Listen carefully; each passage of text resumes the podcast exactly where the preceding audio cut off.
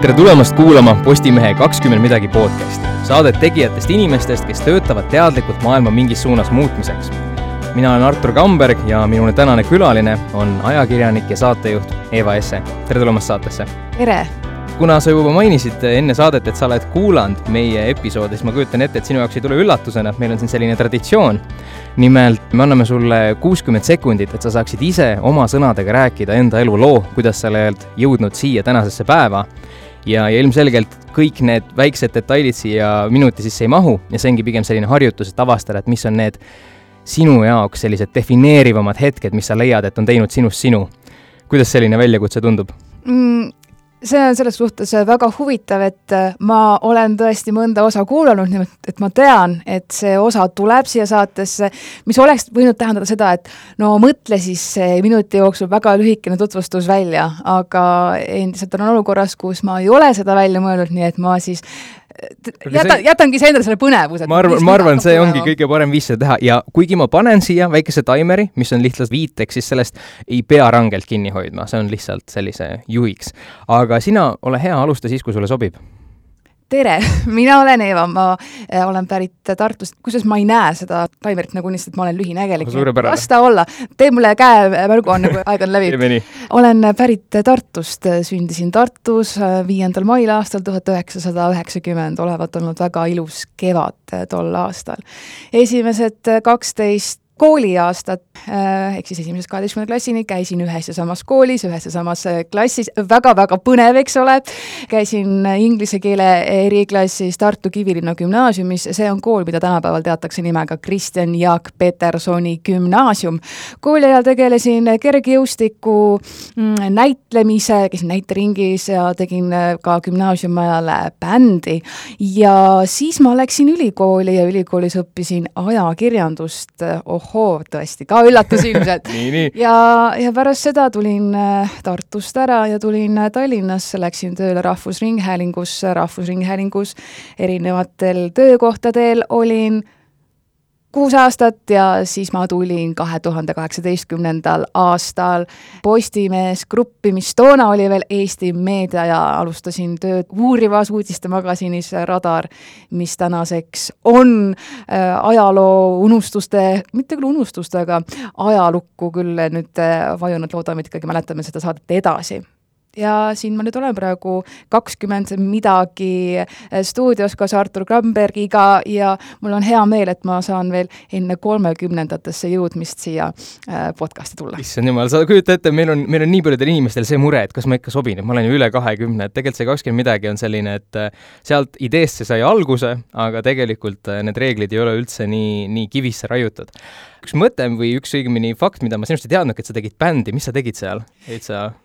nii, ma tean, et see on natukene iseendale jalga tulistamine, sellepärast et see on valdkond, kuhu ma ei taha nagu väga äh, süvit-, süvitsi minna, aga, aga jällegi ma ise tõin selle teemaks. Ma tunnen, et see on natukene mm,, kes on vaadanud sellist sarja nagu How I Met Your Mother. Mm, -hmm. seal on selline tegelane nagu Robin, kes töötab kohalikus uudistesaates diktorina ja siis ta sõbrad hakkavad tema Kanada mineviku kohta erinevaid äh, asju välja tooma just, ja just. siis ta oli ka seal kohalik popstaar kunagi ja siis tulid välja igasugused äh, vahvad äh, videod ja muusikavideod, nii et ma võiks öelda, et natukene võiks see minna sellesse samasse kategooriasse, aga õnneks õigel ajal võeti meie vahvad muusikavideod maha. sa, sa, sul õnnestus üles kasvada ka sellel ajal, kus veel sotsiaalmeedia ei olnud nii levinud, et ja. kõik ei jäänud üles ja kinni aga kui äh, jätkata sellel teemal, et kuidas sa siia päeva siis tänaseks jõudnud oled, siis äh, ühes intervjuus, äh, mis sa, kui ma ei eksi, paar aastat tagasi andsid, siis sa mainisid, et sa mingi hetk plaanisid üldse minna saksa keele filoloogiat õppima ja üldse minnagi Saksamaale ja seal oma elu sisse seada. Aga täna oled sa siin, sa oled ajakirjanik, sa oled saatejuht. Kuidas see valik sündis, kas see oli midagi, mille elu dikteeris, elu valis sinu eest ära või see oli sinu mingisugune teadlik meelemuutus või arusaam, mis sind siia teele tõi? see oli ju puht pragmaatiline otsus, siis kui äh, mina astusin ülikooli, ei olnud sellist haridussüsteemi kõrghariduses, nagu meil tänapäeval on, ehk et tasuta kõrgharidus, vaid siis olid tasulised kohad mõne tasuta kohaga. ja ajakirjandus oli veel too aasta, kui mina ülikooli sisse astusin, ehk et aasta kaks tuhat üheksa, oli üüratult pop-, eriala, ma mäletan veel ise ka, kui ma olin veel keskkoolis ja siis iga aasta tulid sellised reportaažid ka Postimehes, kus siis tehti ülevaade Priit Pulleritsu ainest, mis selle nimi oli, uudisesotsioloogia, mida kõik tudengid kartsid, aga samas ka armastasid. Ja siis äh, toimusid loengud veel ülikooli peahoones ja seal selline vanaaegne auditoorium puidust pinkidega. Ja mul on veel endal ka keskkooliõpilasena on silme ees see pilt, kuidas ongi see puu püsti rahvast täis, noored tudengid, kes siis kohustuslikus korras seda ainet läbivad ja mul oli ikkagi väga suur lootus ja tahtmine ajakirjandust õppima minna, aga kuna see konkurents tõesti oli sinna niivõrd suur, siis mul oli selline väike kahtlus, et ma ei pruugi saada sinna tasuta koha peale sisse. ja siis ainukene variant, ehk siis plaan B, nagu ka siin mm -hmm. tänapäeval on väga popp öelda, plaan B oligi saksa keel, sest et äh, tegin saksa keeles sprachdiplomi ära, mis tagas siis ka võimaluse, et ma oleksin võinud minna Saksamaale õppima ja, ja elama, töötama, aga kuna mul õnnestus jah, ajakirjanduse erialatest väga hästi teha äh,, akadeemiline test, kus rohkem ka, ka rõhuti reaalainete tundmisele mul kuigi hästi ei läinud, aga, aga sisse said? aga sisse sain tasuta kohale. aga kui minna nüüd selle juurest, kuidas sa selle ala peale sattusid ja, ja rääkida nüüd sellest, kuidas sa selle ala peal oled, siis räägi, miks sa teed seda. et selles mõttes ilmselgelt on näha sinu nagu silm särab, kui sa seda lugu räägid, et sa oled oma õige ala peal, aga kui sa peaksid vastama sellele küsimusele, et miks sa seda ala teed, kuidas sa vastaks?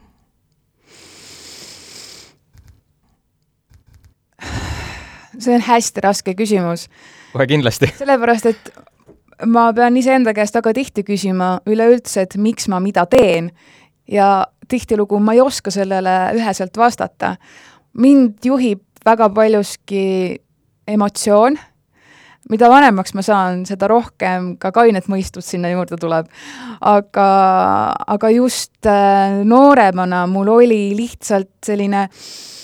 õhin ja maailma parandaja tunne, ma arvan, väga-väga tugevalt sees, aga mida aasta edasi, mida rohkem sa selles valdkonnas töötad, siis eks sa pettud mingites äh, asjadest, äh, mingid teatud illusioonid võivad puruneda sellest tööst ja siis sul jääb lihtsalt see alles, mille sa oled ise nende aastatega ladunud ja kuidagi loogiline on selle pealt ka edasi minna. aga sa oled rahul praegu? Oma, oma alaga, et sa oled siin, sa tegid selle valiku? ma usun, et patt oleks öelda, et ma ei oleks rahul või et, et, et ma ei ole rahul. kas sa tunned, et see oleks tänamatu? võib-olla ka tänamatu. aga samas ma tean ka seda, et see, kuhu ma olen tänaseks päevaks jõudnud, ei ole mulle niisama sülle kukkunud, et ma olen selle nimel väga palju tööd teinud. aga mind ilmselt iseloomustab väga palju see, et äh, et see, kas sa oled rahul, et iseenda selle rahulolu või rahutunde otsimine on see, mis mind vist jah, kõige paremini iseloomustab, sest et ma pidevalt isegi iseendale andes aru, et mul on kõik suurepärane, mul on kõik hästi, mul alati ikka midagi kuskilt kriibib et võiks ju veel midagi olla või kuidagi teistmoodi olla. ma saan aru, et sa ütleks, et see on siis sinu jaoks selline nagu läbiv teema, nagu see rahulolu otsimine? see on läbiv teema, ma arvan, et igas valdkonnas, millega üks inimene kokku puutub, et see ei ole ainult töö ma arvan, et see on väga hästi õigesti öeldud, et ma panin selle originaalis küll siia oma ettevalmistuses selle küsimuse kirja, siis tõmbasin maha, aga paistab, et nüüd ta pressib jälle jube kangesti sisse, et et ma hiljuti hakkasin lugema sellist äh, raamatut nagu äh, Homo Deus, mis on siis, ma loodan, ma hääldan seda nime õigesti, Yuval Noah Harari, selline kirjanik on selle kirjutanud, ja ta arutlebki selle üle, kuidas inimkond on jõudnud sellisesse staadiumisse, kus me oleme võitnud sõjad, haigused, nälja homo sapiens arenebki homo deus ehk siis nagu inimjumal. Ja meie järgmised kaks asja, mida me püüame, on õnn, ehk siis see rahulolu, millest sa rääkisid, ja surematus. ja, ja ta räägibki, et surematus tundub ulmelisem, aga tegelikult on ta puhtteaduslikult palju püütavam kui õnn, sellepärast et inimaju ollagi ehitatud niimoodi, et kui ka kunagi evolutsiooni käigus sündis see inimene, kes oli kogu aeg rahul siis ta ei läinud oma koopast välja, ta ei püüdnud seda järgmist kitse, ta ei kogunud seda puitu, et oma koobast kütta ja ta suri välja, ta ei andnud oma geene edasi, ehk siis ainukene jätkusuutlik inimelu vorm on see, kelle õnnetunne on väga üürikene ja, ja seetõttu me saamegi selle, et me, me lõpetame maratoni, me saame selle diplomi kätte, me teeme oma töö hästi ja on hea ja sa saad selle laksu kätte ja, ja siis, ja siis ärkad üles ja sul on seda uuesti vaja. et see on ülimalt inimloomuses sees, see nii-öelda püsiv ja võib-olla ka natuke kõlab nukralt, et selline lakkamatu õnne püüdmine see on ka teema, kui sa seda mainisid, et ma tundsin ka endas selle ära ja ma arvan, et iga kuulaja tunneb endas selle ära, et kas sa oled jõudnud vahest mingisuguse sellise sisemise arusaamani või et, et kuidas sina selle teemaga tegeled? see, mida sa kõik rääkisid, äh, kui sa parafraseerisid äh, seda mõtet sealt raamatust, ma ise kirjutan sinna kahe käega ja ma arvan ka mõlema jalaga alla, et see on väga-väga õige ja ilmselt see äh, ka iseloomustab enamikke meist, et ma tahaks näha seda inimest, keda see ei, ei iseloomusta, sest et määral või teisel noh, see ongi inimloomus. aga kui me räägime kontekstist, et ka see podcast on kakskümmend midagi, mina olen praegu kahekümne üheksa aastane, ma saan maikuus kolmekümneseks. ja see tähendab, et ma olen selle kümnendi täiesti lõpusirgel. kui ma vaatan nüüd tagasi, kui ma kakskümmend sain, käisin veel ülikoolis, siis minu maailmapilt ja see, mida ma tahan saada ja see, mis mind õnnelikuks justkui teeks, ja see pidev nälg kõige vastu, see, et ma kogu aeg panen omale uusi eesmärke, ma saavutan need eesmärgid, siis mul on ikkagi see rahulolematus, tahaks veel midagi uut, midagi teistmoodi, et keegi ikka veel on parem, ma peaks saama ka temast võib-olla samale tasemele või paremaks või no olgu see ükskõik mis siis valdkonnas. et selline pidev iseendale piitsa andmine ja see rahulolematus äh, sellega, et kus ma praegu olen, on vähenenud selle kümne aasta jooksul vähemalt. et sa oled rohkem rahul, jah? et ma, ma vähemalt teadvustan seda endale, et see on mu loomuses sees ja, ja ma püüan seda natukene normaliseerida äh, ühest küljest, aga teisalt ka see tunne ja see vajadus, et kogu aeg püüelda midagi järgmist, on ka natukene vaiksemaks mu sees jäänud, et ma mm, kuidagi arvan et ka, et, et see on võib-olla suureks saamise protsess ja, ja püüe elada rohkem hetkes ja mitte ka mingisuguseid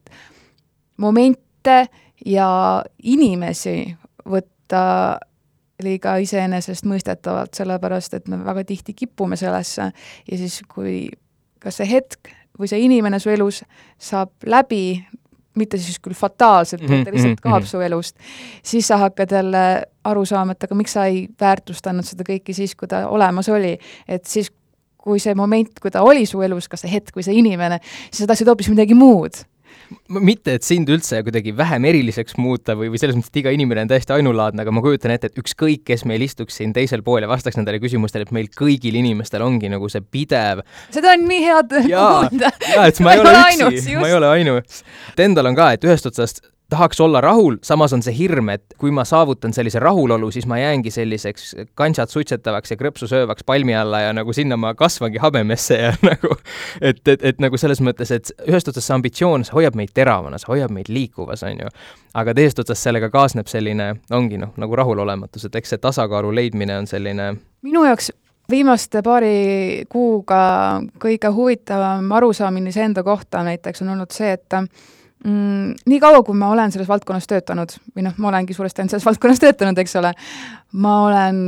olnud kogu aeg nagu orav rattas, mul on olnud mitu projekti korraga, mul viimane suvi oli niimoodi, et vähemalt keset juulit kuni ütleme, septembrini välja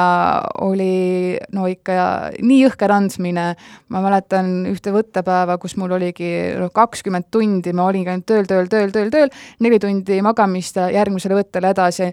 ja ja see justkui ongi normaalne osa mu elust, niimoodi ma justkui olengi. ja kuna ma olen nüüd, võiks öelda siis korrektselt, et vabakutseline ajakirjanik, ehk et ma noh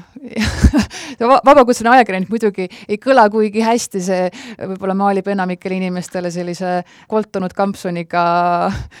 keskealise meesterahva pildi silme ette, aga ütleme niimoodi, et ma tegutsen mm, siis äh, ise oma nii-öelda meelisprojektidega hetkel. Ja, ja see on tekitanud olukorra, kus mul see pidevalt rattas olemise tunne on hetkeks ära kadunud, ma tean, et see läheb kohe varsti jälle käima mm. -hmm. aga poolteist kuud on olnud selline väga veider aeg, viimased poolteist kuud, kus mul ei olegi ringi jooksmist, mul ei olegi tähtaegade esitamist või oma failide üleandmist kanalile või no mis iganes. ja ma ei oska olla. ma kujutan, ei, ei, ma, ma tean, ma tean äh, väga ühe lähedase inimese kogemusest, kui inimene, kui on harjunud niimoodi nagu tööd tegema, siis sa ootad kogu aeg seda, et kohe hakkavad kuulid üle pea lendama ja, ja sul on stress sellest, et vaikne on et nagu midagi peab juhtuma. aga minnes selle teema juurest edasi, siis äh, sa mainisid seda, et sa oledki olnud nagu väga rattas, sul ei ole olnud võimalust seda aega maha võtta, siis kui rääkida sellest, et nagu sa ütlesid, et kõik, mis sul on, sa oled selle nimel ise vaeva näinud, sa oled teinud tööd ja sa oled ka saavutanud. ja, ja paljud inimesed, kes on teinud märkimisväärseid asju, kes on saavutanud asju, mis on erakordsed, on oma siis äh, loo või teekonna kirjeldamisel tihti välja toonud ohvrite tegemise olulisust. Ja, ja nagu ma kujutan ette, et selline sa oled ühes intervjuus, ma täpselt ei mäleta, kelle, mis väljaandele see oli, aga oled ka maininud seda, et et näiteks äh, sa pisut kahetsed, et sul ei olnud võimalust peale kooli võtta vaheaastat või et ma ei tea, käia kaitseväes, käia reisimas, mis iganes, proovida midagi, sellepärast et nüüd sa oled alal, kus sa ei saa rattast välja hüpata, sellepärast et ei ole olemas asendamatuid inimesi, et äh, kas see on sinu jaoks selline ainuke ohverdus või milliste teiste ohverdustega oled pidanud sel alal arvestama mm.? Ma ei oska küll midagi muud välja tuua, et mida ma oleksin just nii väga ohverdanud. pigem ikkagi jaa, see, et see vaheaasta pärast ülikoolist, ma arvan, et keskkooli järel oli see ainuvõimalik ja kõige parem otsus, et ma läksin otse ülikooli. sest et teates iseennast, siis ma ilmselt võib-olla poleks leidnud piisavalt motivatsiooni, et pärast seda vaheaastat minna ülikooli. aga aga midagi muud ma ei oskagi öelda, sellepärast et kõik muu ma olen suutnud oma elus ikkagi hoida tasakaalus. kas sa seda tunned, et sa oled mingil määral nagu ohverdanud oma privaatsuse, et sa ei ole enam see Eva Esse, kes võib minna sellise kuidagi lõhkiste pidžaamapükstega kuhugi eh, ri-, rimisse nokkida seal nina ja mitte keegi ei pane tähele ka, aga inimesed panevad tähele sellepärast, et sa oled Eva Esse, et kas see ei ole sinu jaoks selline asi? ma olen lihtsalt teistelt saatekülalistelt vahel kuulnud, et et inimesed tihtipeale igatsevad seda, kui nad mitte kellelegi korda ei läinud. vaata, kui me alustasime selle vestlusega mm -hmm. ja sa ütlesid, et sa paned nüüd selle taimeri käima, ma mõtlesin, et ma ei näe seda taimerit. mis on ühest küljest väga suur äh, probleem mulle, et ma ei näe mingisuguseid olulisi asju, nagu näiteks taimerit, aga teisalt ma ei näe ka inimesi, kui nad mind vaatavad. ma lihtsalt, esi-, esiteks, et ma lihtsalt puhtfüüsiliselt ei näe, kui mul prille pole ees ja teiseks on see, et ma olen tegelikult üsnagi udu ma olen oma tüpaažilt inimesena, ma olen nii udu, et mul on elukaaslane korduvalt öelnud poes, et kas sa ei pannud tähele, kuidas see või teine sind niimoodi vaatas, ma ütlesin, et aa, ei ma lihtsalt ei pane neid asju tähele, nii et mind võib näha mitte küll pidžaamapükstes, aga välja veninud kodudressipükstega ja täiesti kasimata olekus oma kodupoes. ma arvan, et inimesed, kes mind on seal korduvalt näinud, on sellega ära harjunud. mul on üldse probleemi. nüüd on minul see koht, kus mul on kergendus ja hea kuulda, et ma ei ole ainuke udu, et ma ei ole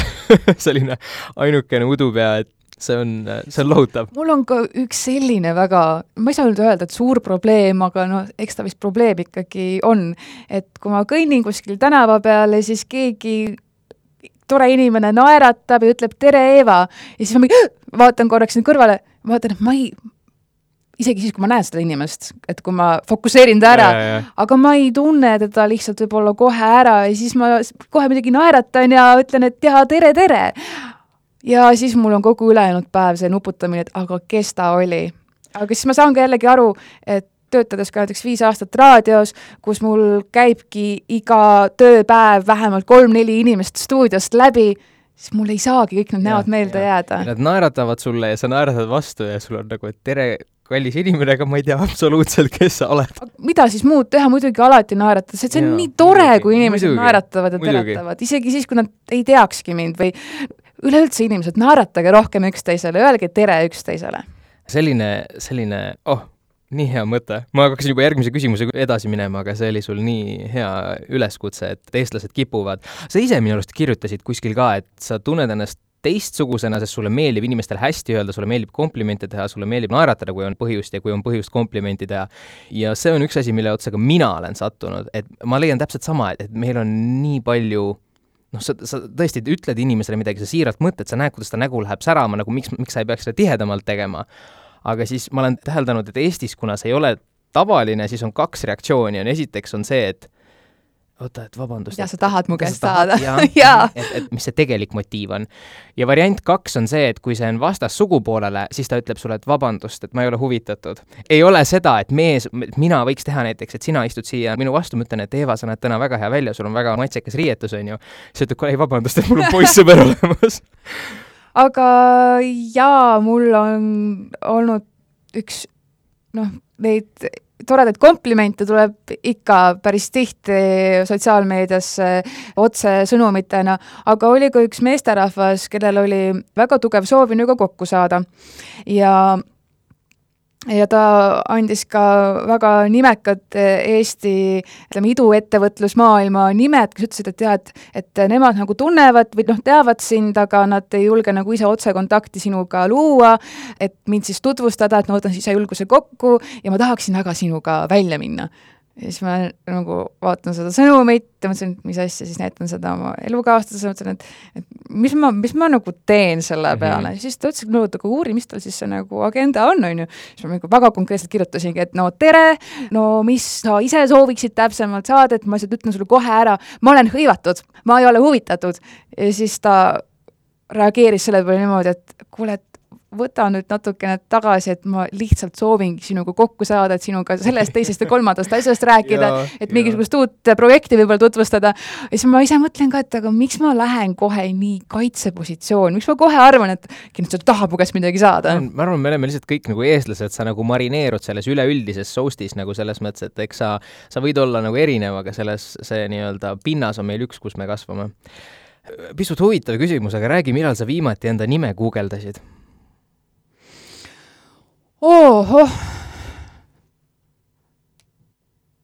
I äkki, äkki millalgi suve lõpus. kas sa oled teadlik, et Eva Esse on ka ühe Itaalias toodetava elektrilise rallimootorratta ah, jaa, mudeli nimi? jaa, Eva Esse Esse üheksa äkki oli, jaa. Raiko Ausmees mulle kunagi tutvustas seda ja mm, mingisugusel automessil oli vist võimalus, et see tuuakse ka Eestisse, et siis mul oli, oleks olnud väga hea võimalus sellega tutvust teha, aga paraku jäi see projekt pooleli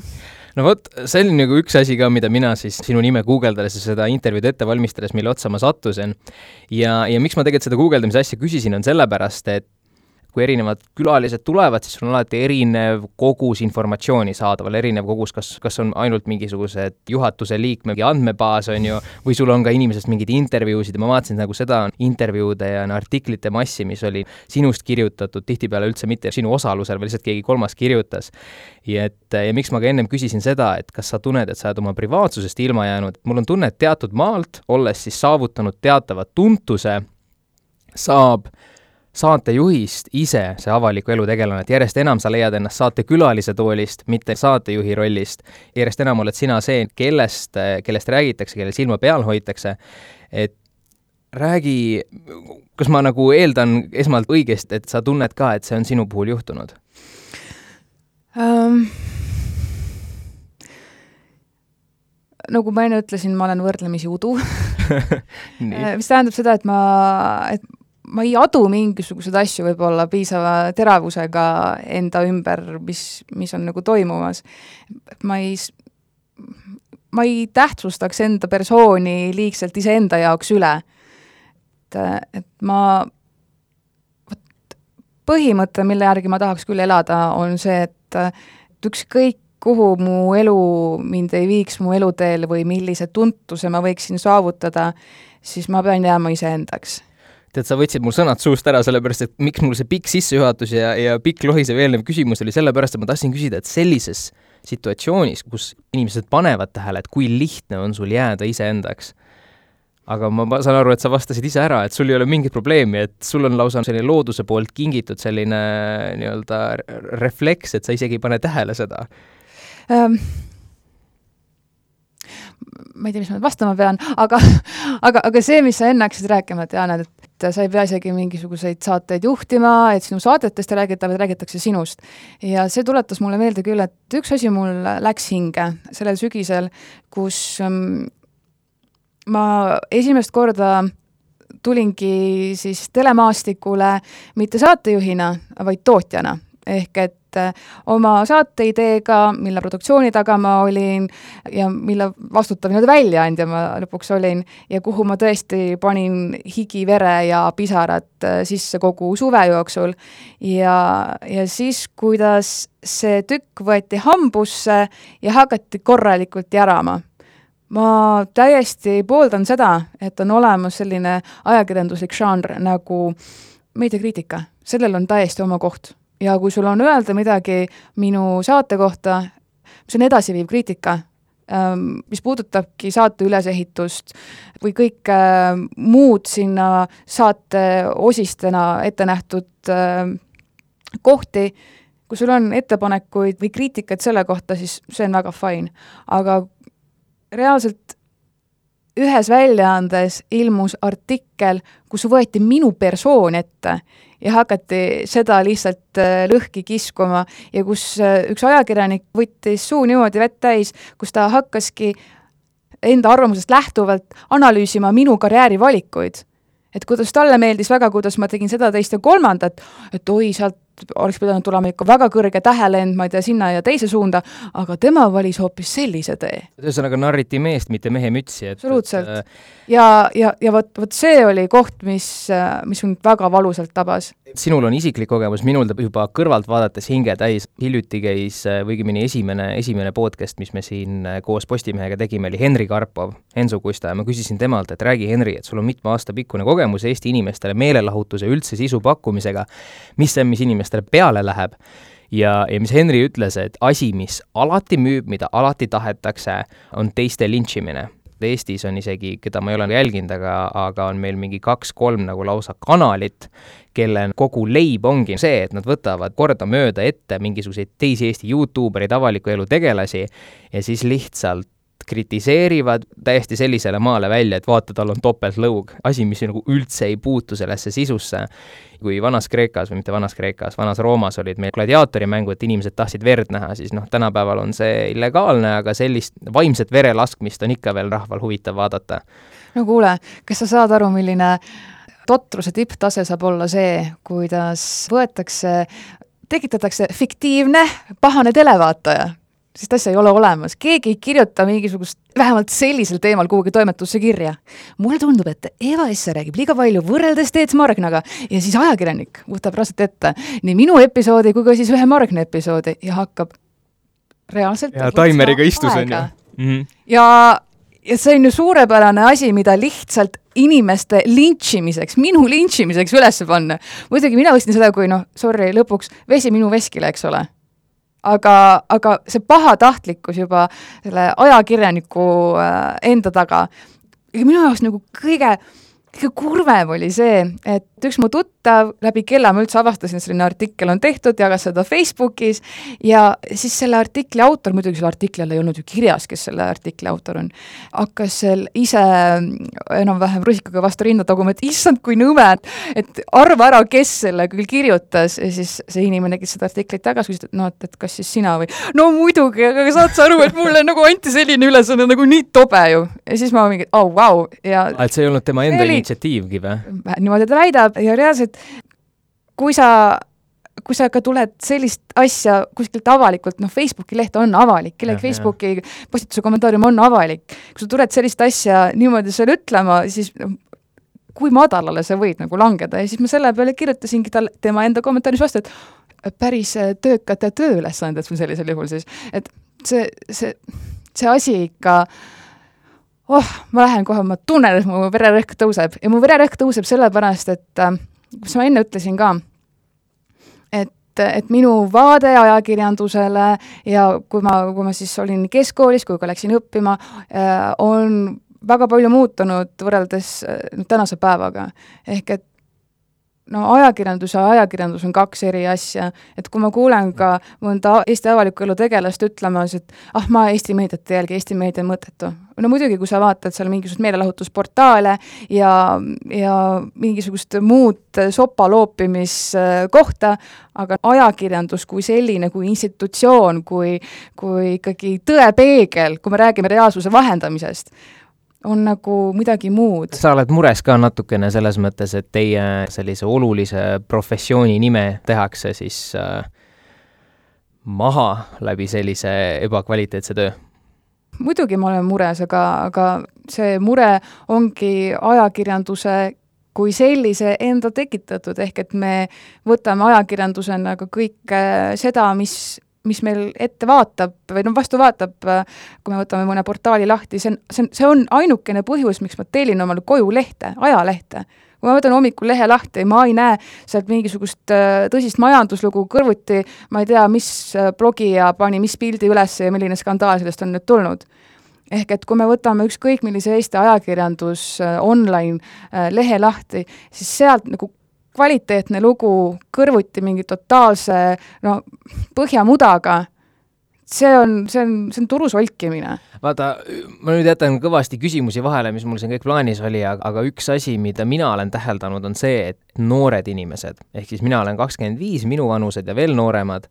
järjest vähem loevad uudiseid ja, ja ma olen üritanud nii iseendas kui ka teistes ja küsinud seda, et aru saada, et kust see tuleb, mis see tuleb, on ju,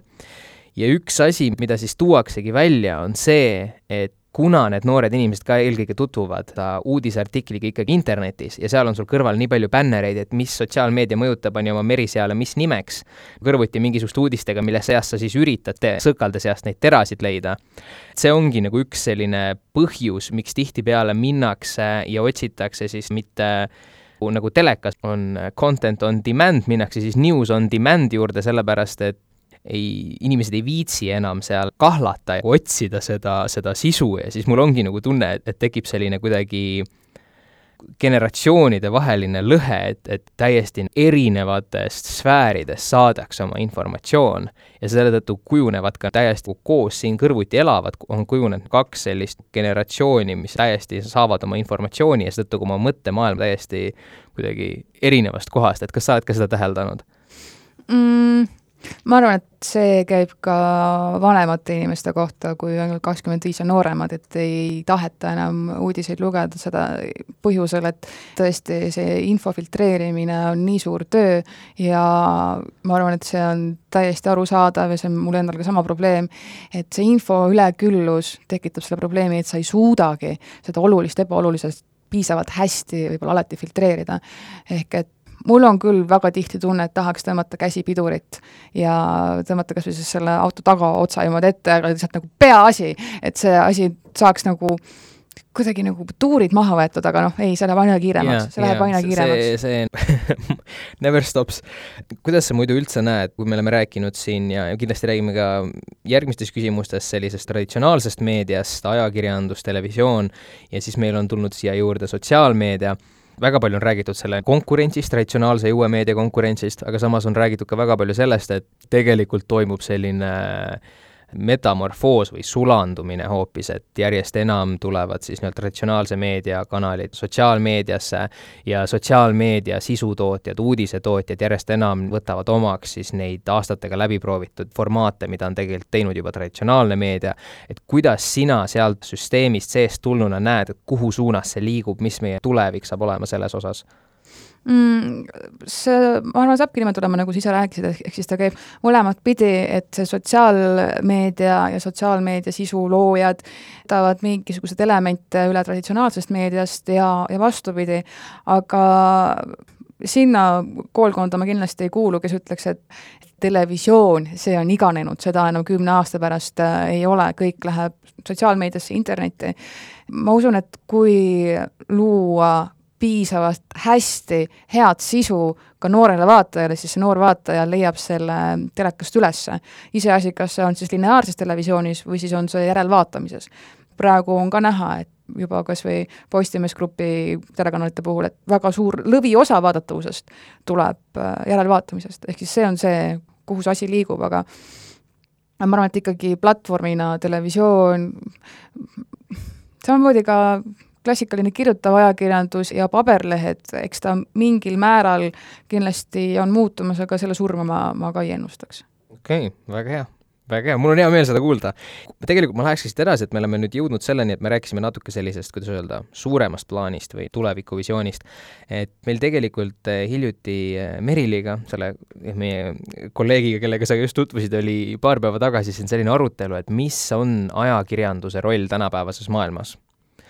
sai tegelikult kõik alguse ühest sellisest nii-öelda online küsitlusest ja, ja seal oli väga palju erinevaid vastuse variante aga ma tahtsin sinu käest ka küsida, et mis sina arvad, et kui me nüüd räägime sellest, okei okay,, et sa ütlesid, et tahaks korra pidurit tõmmata, saaks kord, võtaks hoo maha, nii, miks me siin oleme, mida me tegelikult teha tahame ja siis edasi minna, mis see on, miks me siin oleme, mis sa näed, et võiks olla meedia ülesanne tänapäeval mm,? ma arvan, et meedia ülesanne, nii nagu ka varem, nii nagu ka praegu ja loodetavasti ka tulevikus, peaks olema ühiskondlike protsesside peegeldamine ja võimalikult neutraalne peegeldamine. see hullus, mis praegu on lahti läinud, kui me räägime siis tõesti siin igasugusest mitte kõige kvaliteetsemast äh, meediast, äh, sellest, et kui suureks Kardashianite äh, tagumikud on, on läinud, on, on kõrvuti yeah. maaeluministri tagandamise uudisega, on ühest küljest küll tulnud sellest, et see on nagu turumajandus, nõudluse, pakkumise suhe, et, et kui see nõudlus on, siis peab olema ka pakkumine, aga jällegi, kui ajakirjandus kui institutsioon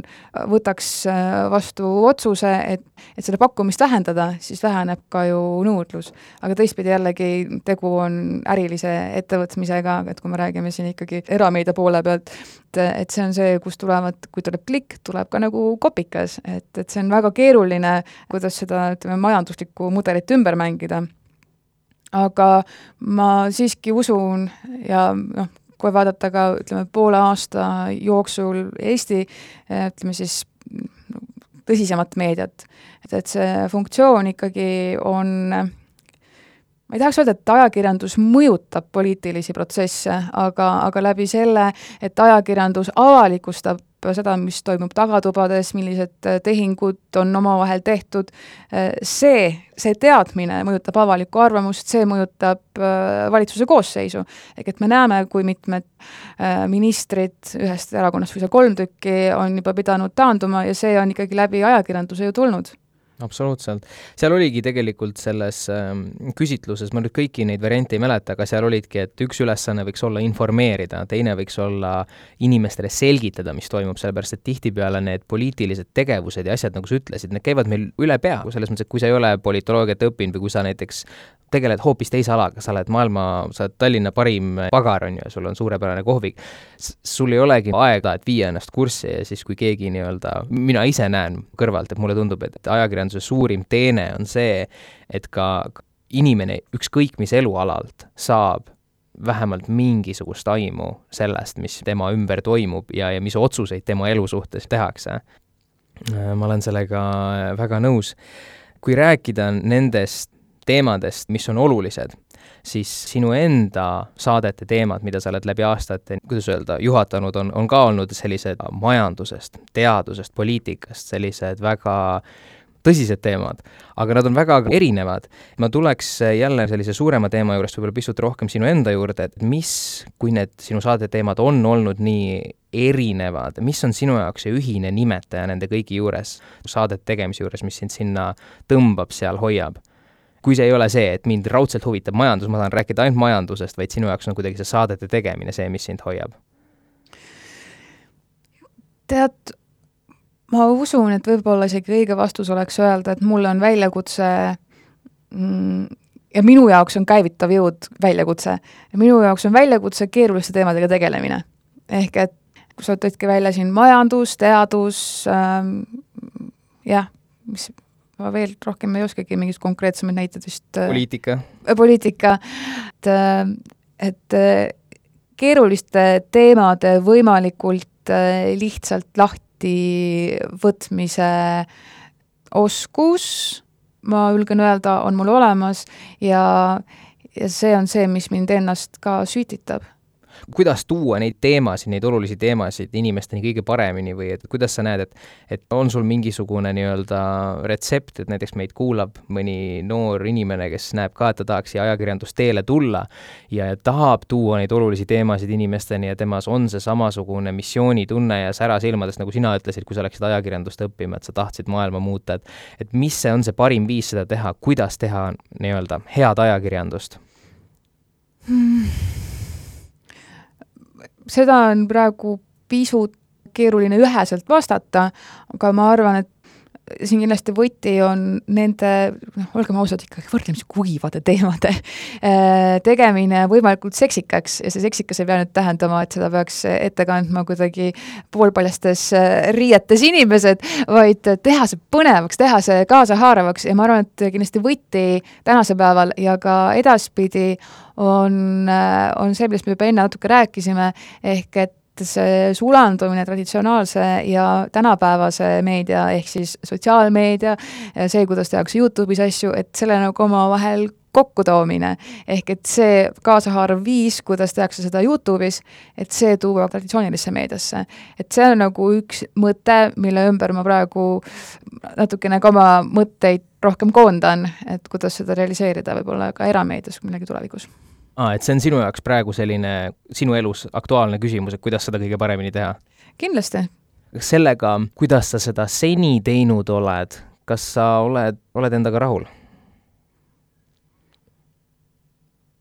kõik, mida ma siiamaani olen teinud, on olnud ikka võrdlemisi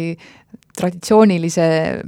meedia äh, sõrmejälgedes olnud, et äh, midagi uut siia ei ole ma, ma arvan, väga toonud. kas ma saan praegu õigesti aru, et sa sihi tulevikus pigem nagu eh, sellist teistmoodi käsitlust asjadele, jah, võib niimoodi öelda küll ilmselt. ma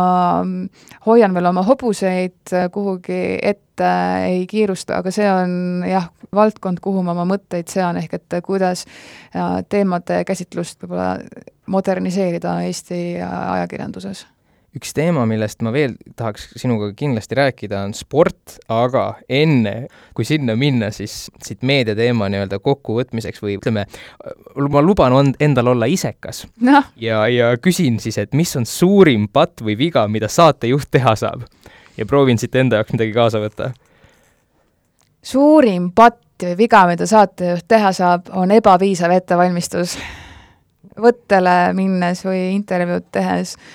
kas see on sul mingisugune isiklikud äh, vitsad peksavad lugu? mul ei tule endal äh, piisavalt sellist või noh, mul, mul ei tulegi endal mingit väga värvikat äh, olukorda meelde, sest et mul siiamaani on siiski õnnestunud sellest patust võrdlemisi puhas olla, ehk et ma proovin oma eeltööd teha võrdlemisi hästi äh, ja, ja olla teemas pädev, mida ma lähen käsitlema. sest et hästi piinlik on see, kui hakkab mõni ekspert sind õpetama kuidas asjad käivad ja väga nagu baasteemades ja noh, see, see ei ole hea toon, aga, aga see on suurepärane vastus kuna ma olen ise olnud ka inimene, kes on andnud intervjuud ja siis, kui on olnud ka inimene seal vastas, kelle puhul on näha, et kes ei ole teinud seda eeltööd, mida ma sinu puhul kindlasti öelda ei saa. suur tänu, suur tänu! et see on niisugune paha tunne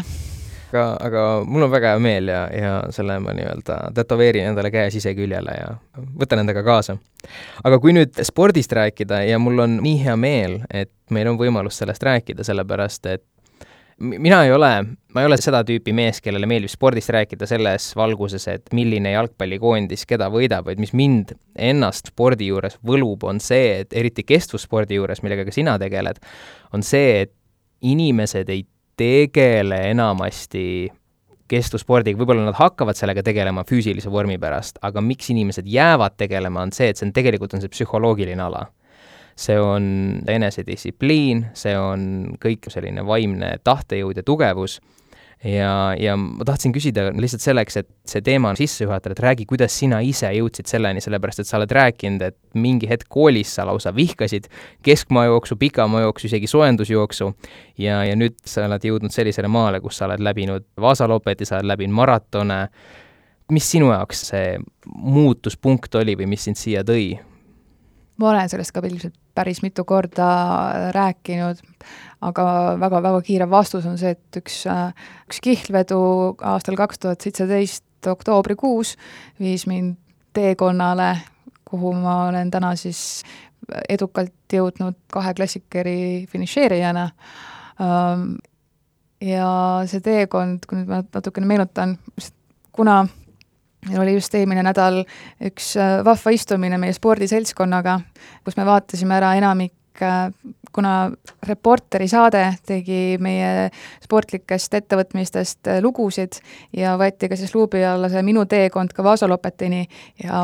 ja siis vaatasime neid ja, ja naersime ikka päris kõvasti, kuidas siis tüdruk, kes polnud praktiliselt mitte kunagi suusatanud, sai rullsuusad alla ja oli nii õhinal, et jah,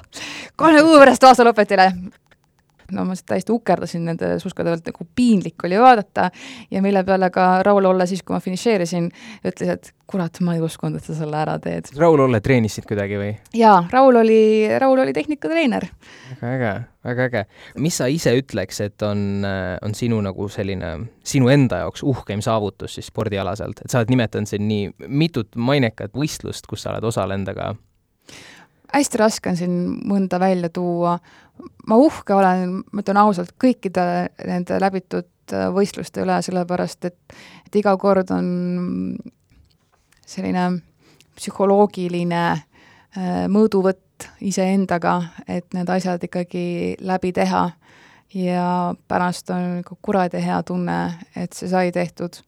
aga aga nagu sa ütlesid ka, et, et see, see, see tunne, see, see võidutunne, see võidujoovastus, see, et sa oled millegagi hakkama saanud, et ega see ei kestagi rohkem kui seesama moment. aga ma just tahtsin küsida, et mis see sinu põhjus siis on spordiga tegelemiseks? kas see on see dopamiini laks medalit kaela saades või see on näiteks noh, minu enda jaoks on näiteks, ma käin jooksmas, on selline, kuidas öelda, mõtete setitaja. et selles mõttes, kui keha on väsinud, siis sul ei ole energiat üle mõelda ma tean, et väga paljud inimesed kasutavad seda, kuidas öelda, sellise antidepressandina, mis see sinu jaoks on, mis seda tegema? ma ütlen päris ausalt, et mulle tegelikult ei meeldi absoluutselt joosta, näiteks mulle lihtsalt jooksmine tegevusena ei meeldi, mul on raske. Ja öeldakse küll, et noh, et käisin, käisin sealt kümme jooksutrenni ära, siis hakkab kergem. no ei hakka, ikka on raske, aga, aga ma teen seda suuresti sellepärast, et see seltskond, kellega me käime välismaal võistlemas, on niivõrd äh, vahva, et see tegevus juba iseenesest, et minna nendega välismaale, ja ütleme, et viis päeva oleme, üks päev sellest on see võistlus, et kogu see ülejäänud möll selle ümber on nii äge. aga kui ma lähen ka jooksma, kui ma teen jooksutrenni, siis mina ei saa mitte midagi mõelda, sest mul läheb kohe pulss üles, ma olen hästi emotsionaalne inimene, nagu võib-olla ka raadio, raadiokuulaja, podcast'i kuulaja on ehk juba aru saanud, et ma olen üsna emotsionaalne. Ja siis, kui ma hakkan mingisuguseid mõtteid mõtlema, mis võib minust sellist stressimomenti tekitada, siis ma vaatan oma spordikella, ma vaatan, et appikene juba kümme pügalat on läinud selle peale pulsinäitaja üles, nii et äh, jah, mina pean tegema sellist jooksutrenni, et ma tõmban pea täiesti tühjaks ja mõtlen hingamise peale, et mul on selline rütmi, oma kindla rütmiga hingamine ja,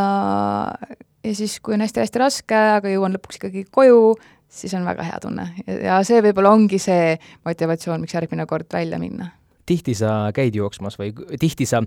saavutad siis sellise eneseületuse, et sa paned ketsid jalga ja lähed õue? Ma olen täiesti aus, kuna noh, miks ma peaksin valetama, olen ikkagi kuulajate vastu aus. et võib-olla ka sellist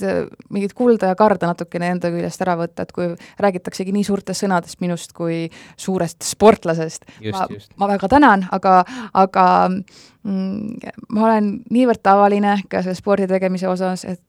oktoobri lõpus kakskümmend seitse, kakskümmend kaheksa oktoober mm, oli Frankfurdi täismaraton, mille ma võidukalt ära tegin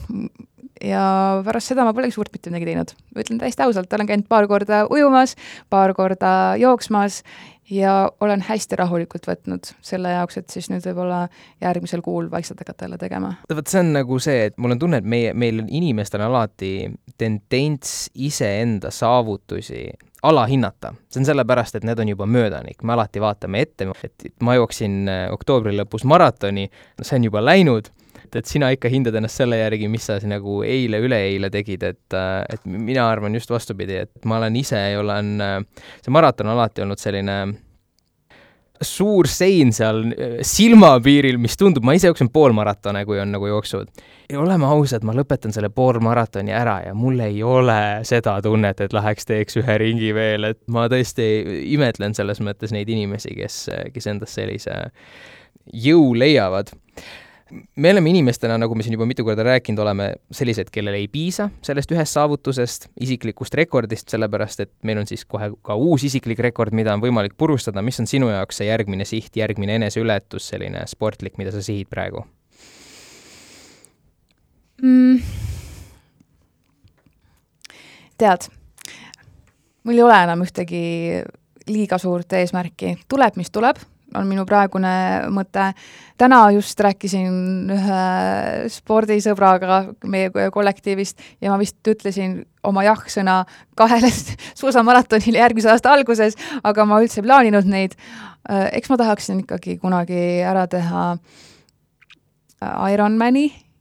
wow. triatloni. täispika? mitte täispika ah., aga ma usun, et see ei tule ka järgmisel suvel, vaid ma pigem tahaksin järgmisel suvel teha olümpiadistantsi, ehk siis natukene lühemaid, aga minu sportlik eesmärk äh, on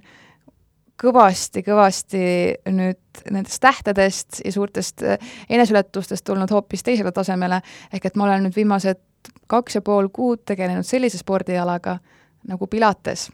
ehk et ma võtsin omale eratreeneri ja seda selle jaoks, et oma igasugused kehavaevused, mida ma olen ilmselt ka läbi suure sportimise omale tekitanud, paika saada. Ja minu iseenda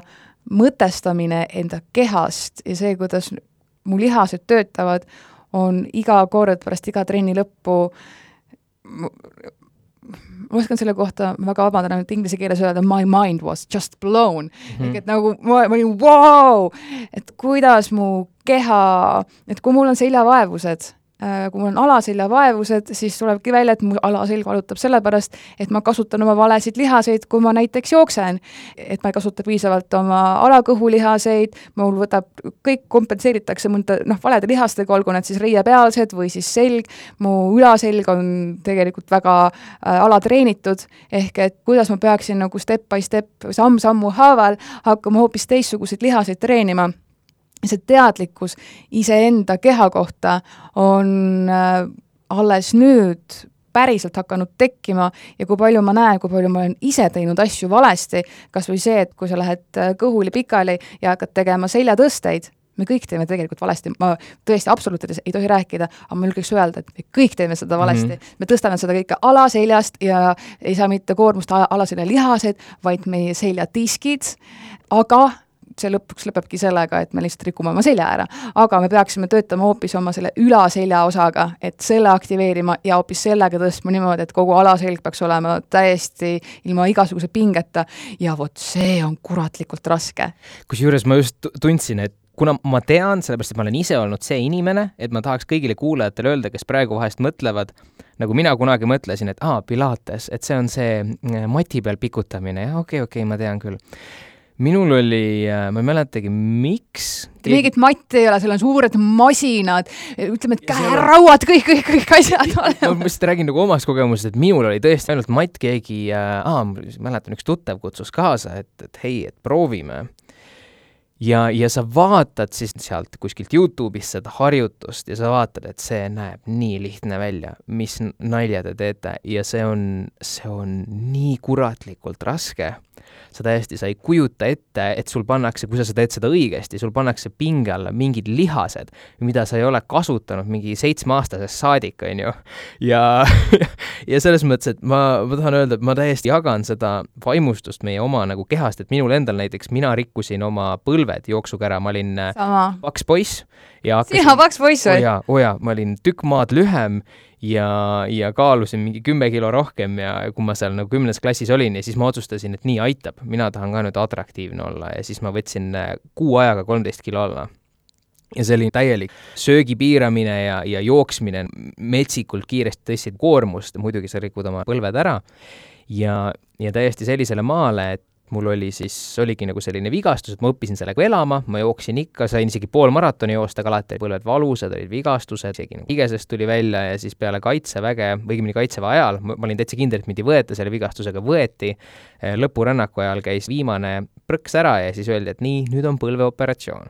ja peale põlveoperatsiooni ma pidin täiesti nullist õppima jooksma me, me kõik mõtleme, et jooksmine, see on inimese jaoks kuidagi ürgne liikumisviis, et mis mõttes ma ei oska joosta. sa ütled mulle, et ma ei oska joosta või, et ma ütlen, et ah, ma jooksen sulle siinsamas koridori peal. et tegelikult on ka jooksutehnikas nagu nii palju, et kuidas sa maandud, kuhu see koormus langeb, kuhu need põrutused langevad, millised on sinu tallad, kas sa maandud kannale, päkale, sise-väliskülg.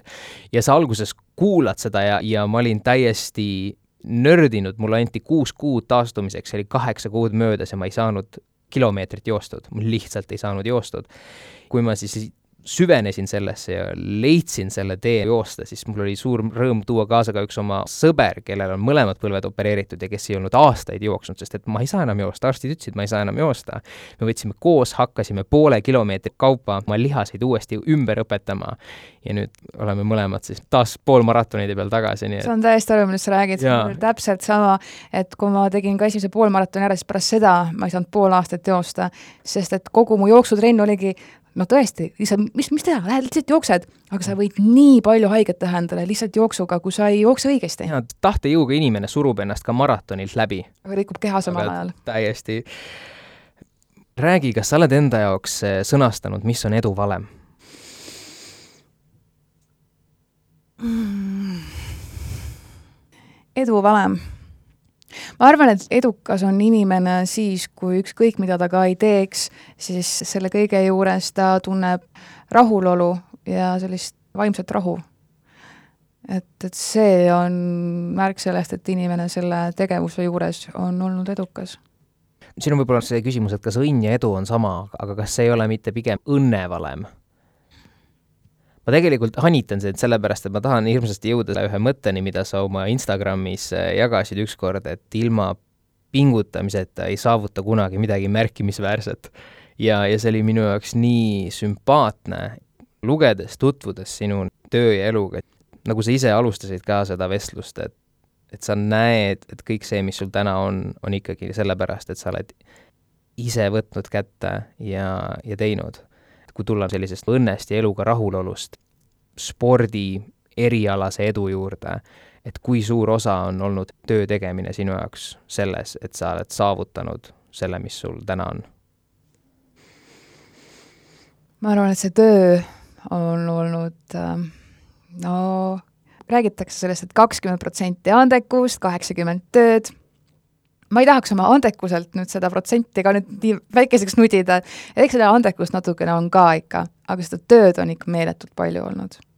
seda tööd on olnud meeletult palju, mulle meeldib äh, üks ütlus, mis mu ema mulle just hiljuti ütles,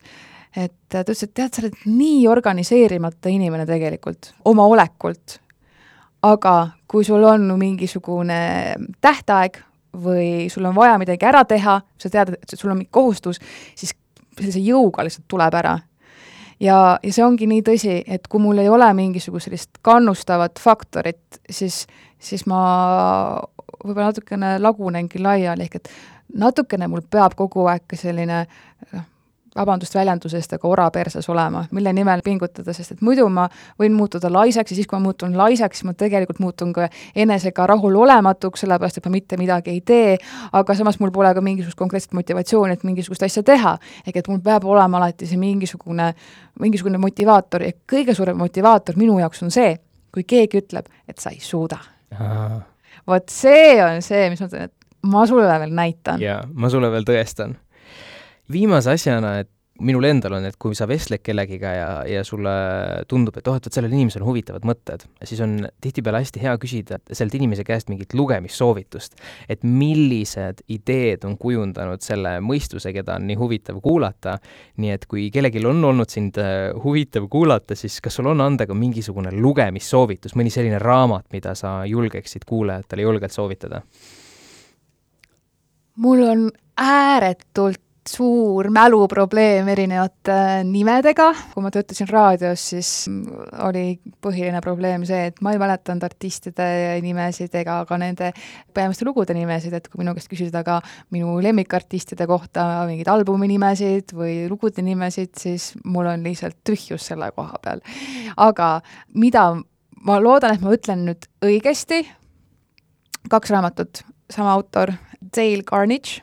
Dale Carnegie, jah. Carnegie. tuntum nendest on see, et äh, kuidas võita sõpru ja mõjutada inimesi. mõjutada inimesi, aga teine, mis tegelikult ilmus siis pärast seda, kuidagi oskus võtta rahulikult, ma ei, ma mõtlen, ma ei, ma ei, ma seda, seda ma isegi ei ai, ma ei mäleta, mis selle raamatu nimi oli, aga selle raamatu andis mulle lugeda mu üks väga hea sõbranna, kui mul väga raske eluperiood oli ja, ja see pani väga heasse perspektiivi nii mitmedki asjad ja, ja eesmärgid. ma panen selle endale kirja, ma otsin selle üles ja ma tõesti vabandan kõikide kuulajate ees, aga mul lihtsalt ei ole nimemälu, mul lihtsalt ei ole nimemälu. see on äh, tead... hakkasime nagu mõtlema, et mis mu raamatu nimi oli, mida ma praegu loen äh,.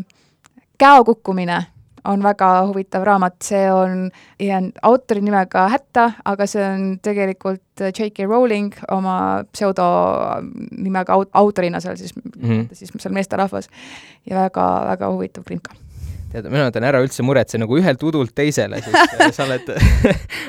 mul on, mul on suur kergendus, et, et uduna võib ka elus läbi lüüa, et see on, see on lohutav. faktiteadmised, kõik on, sellega on mul iseenesest nagu üsna hästi, aga mis puudutab igasuguseid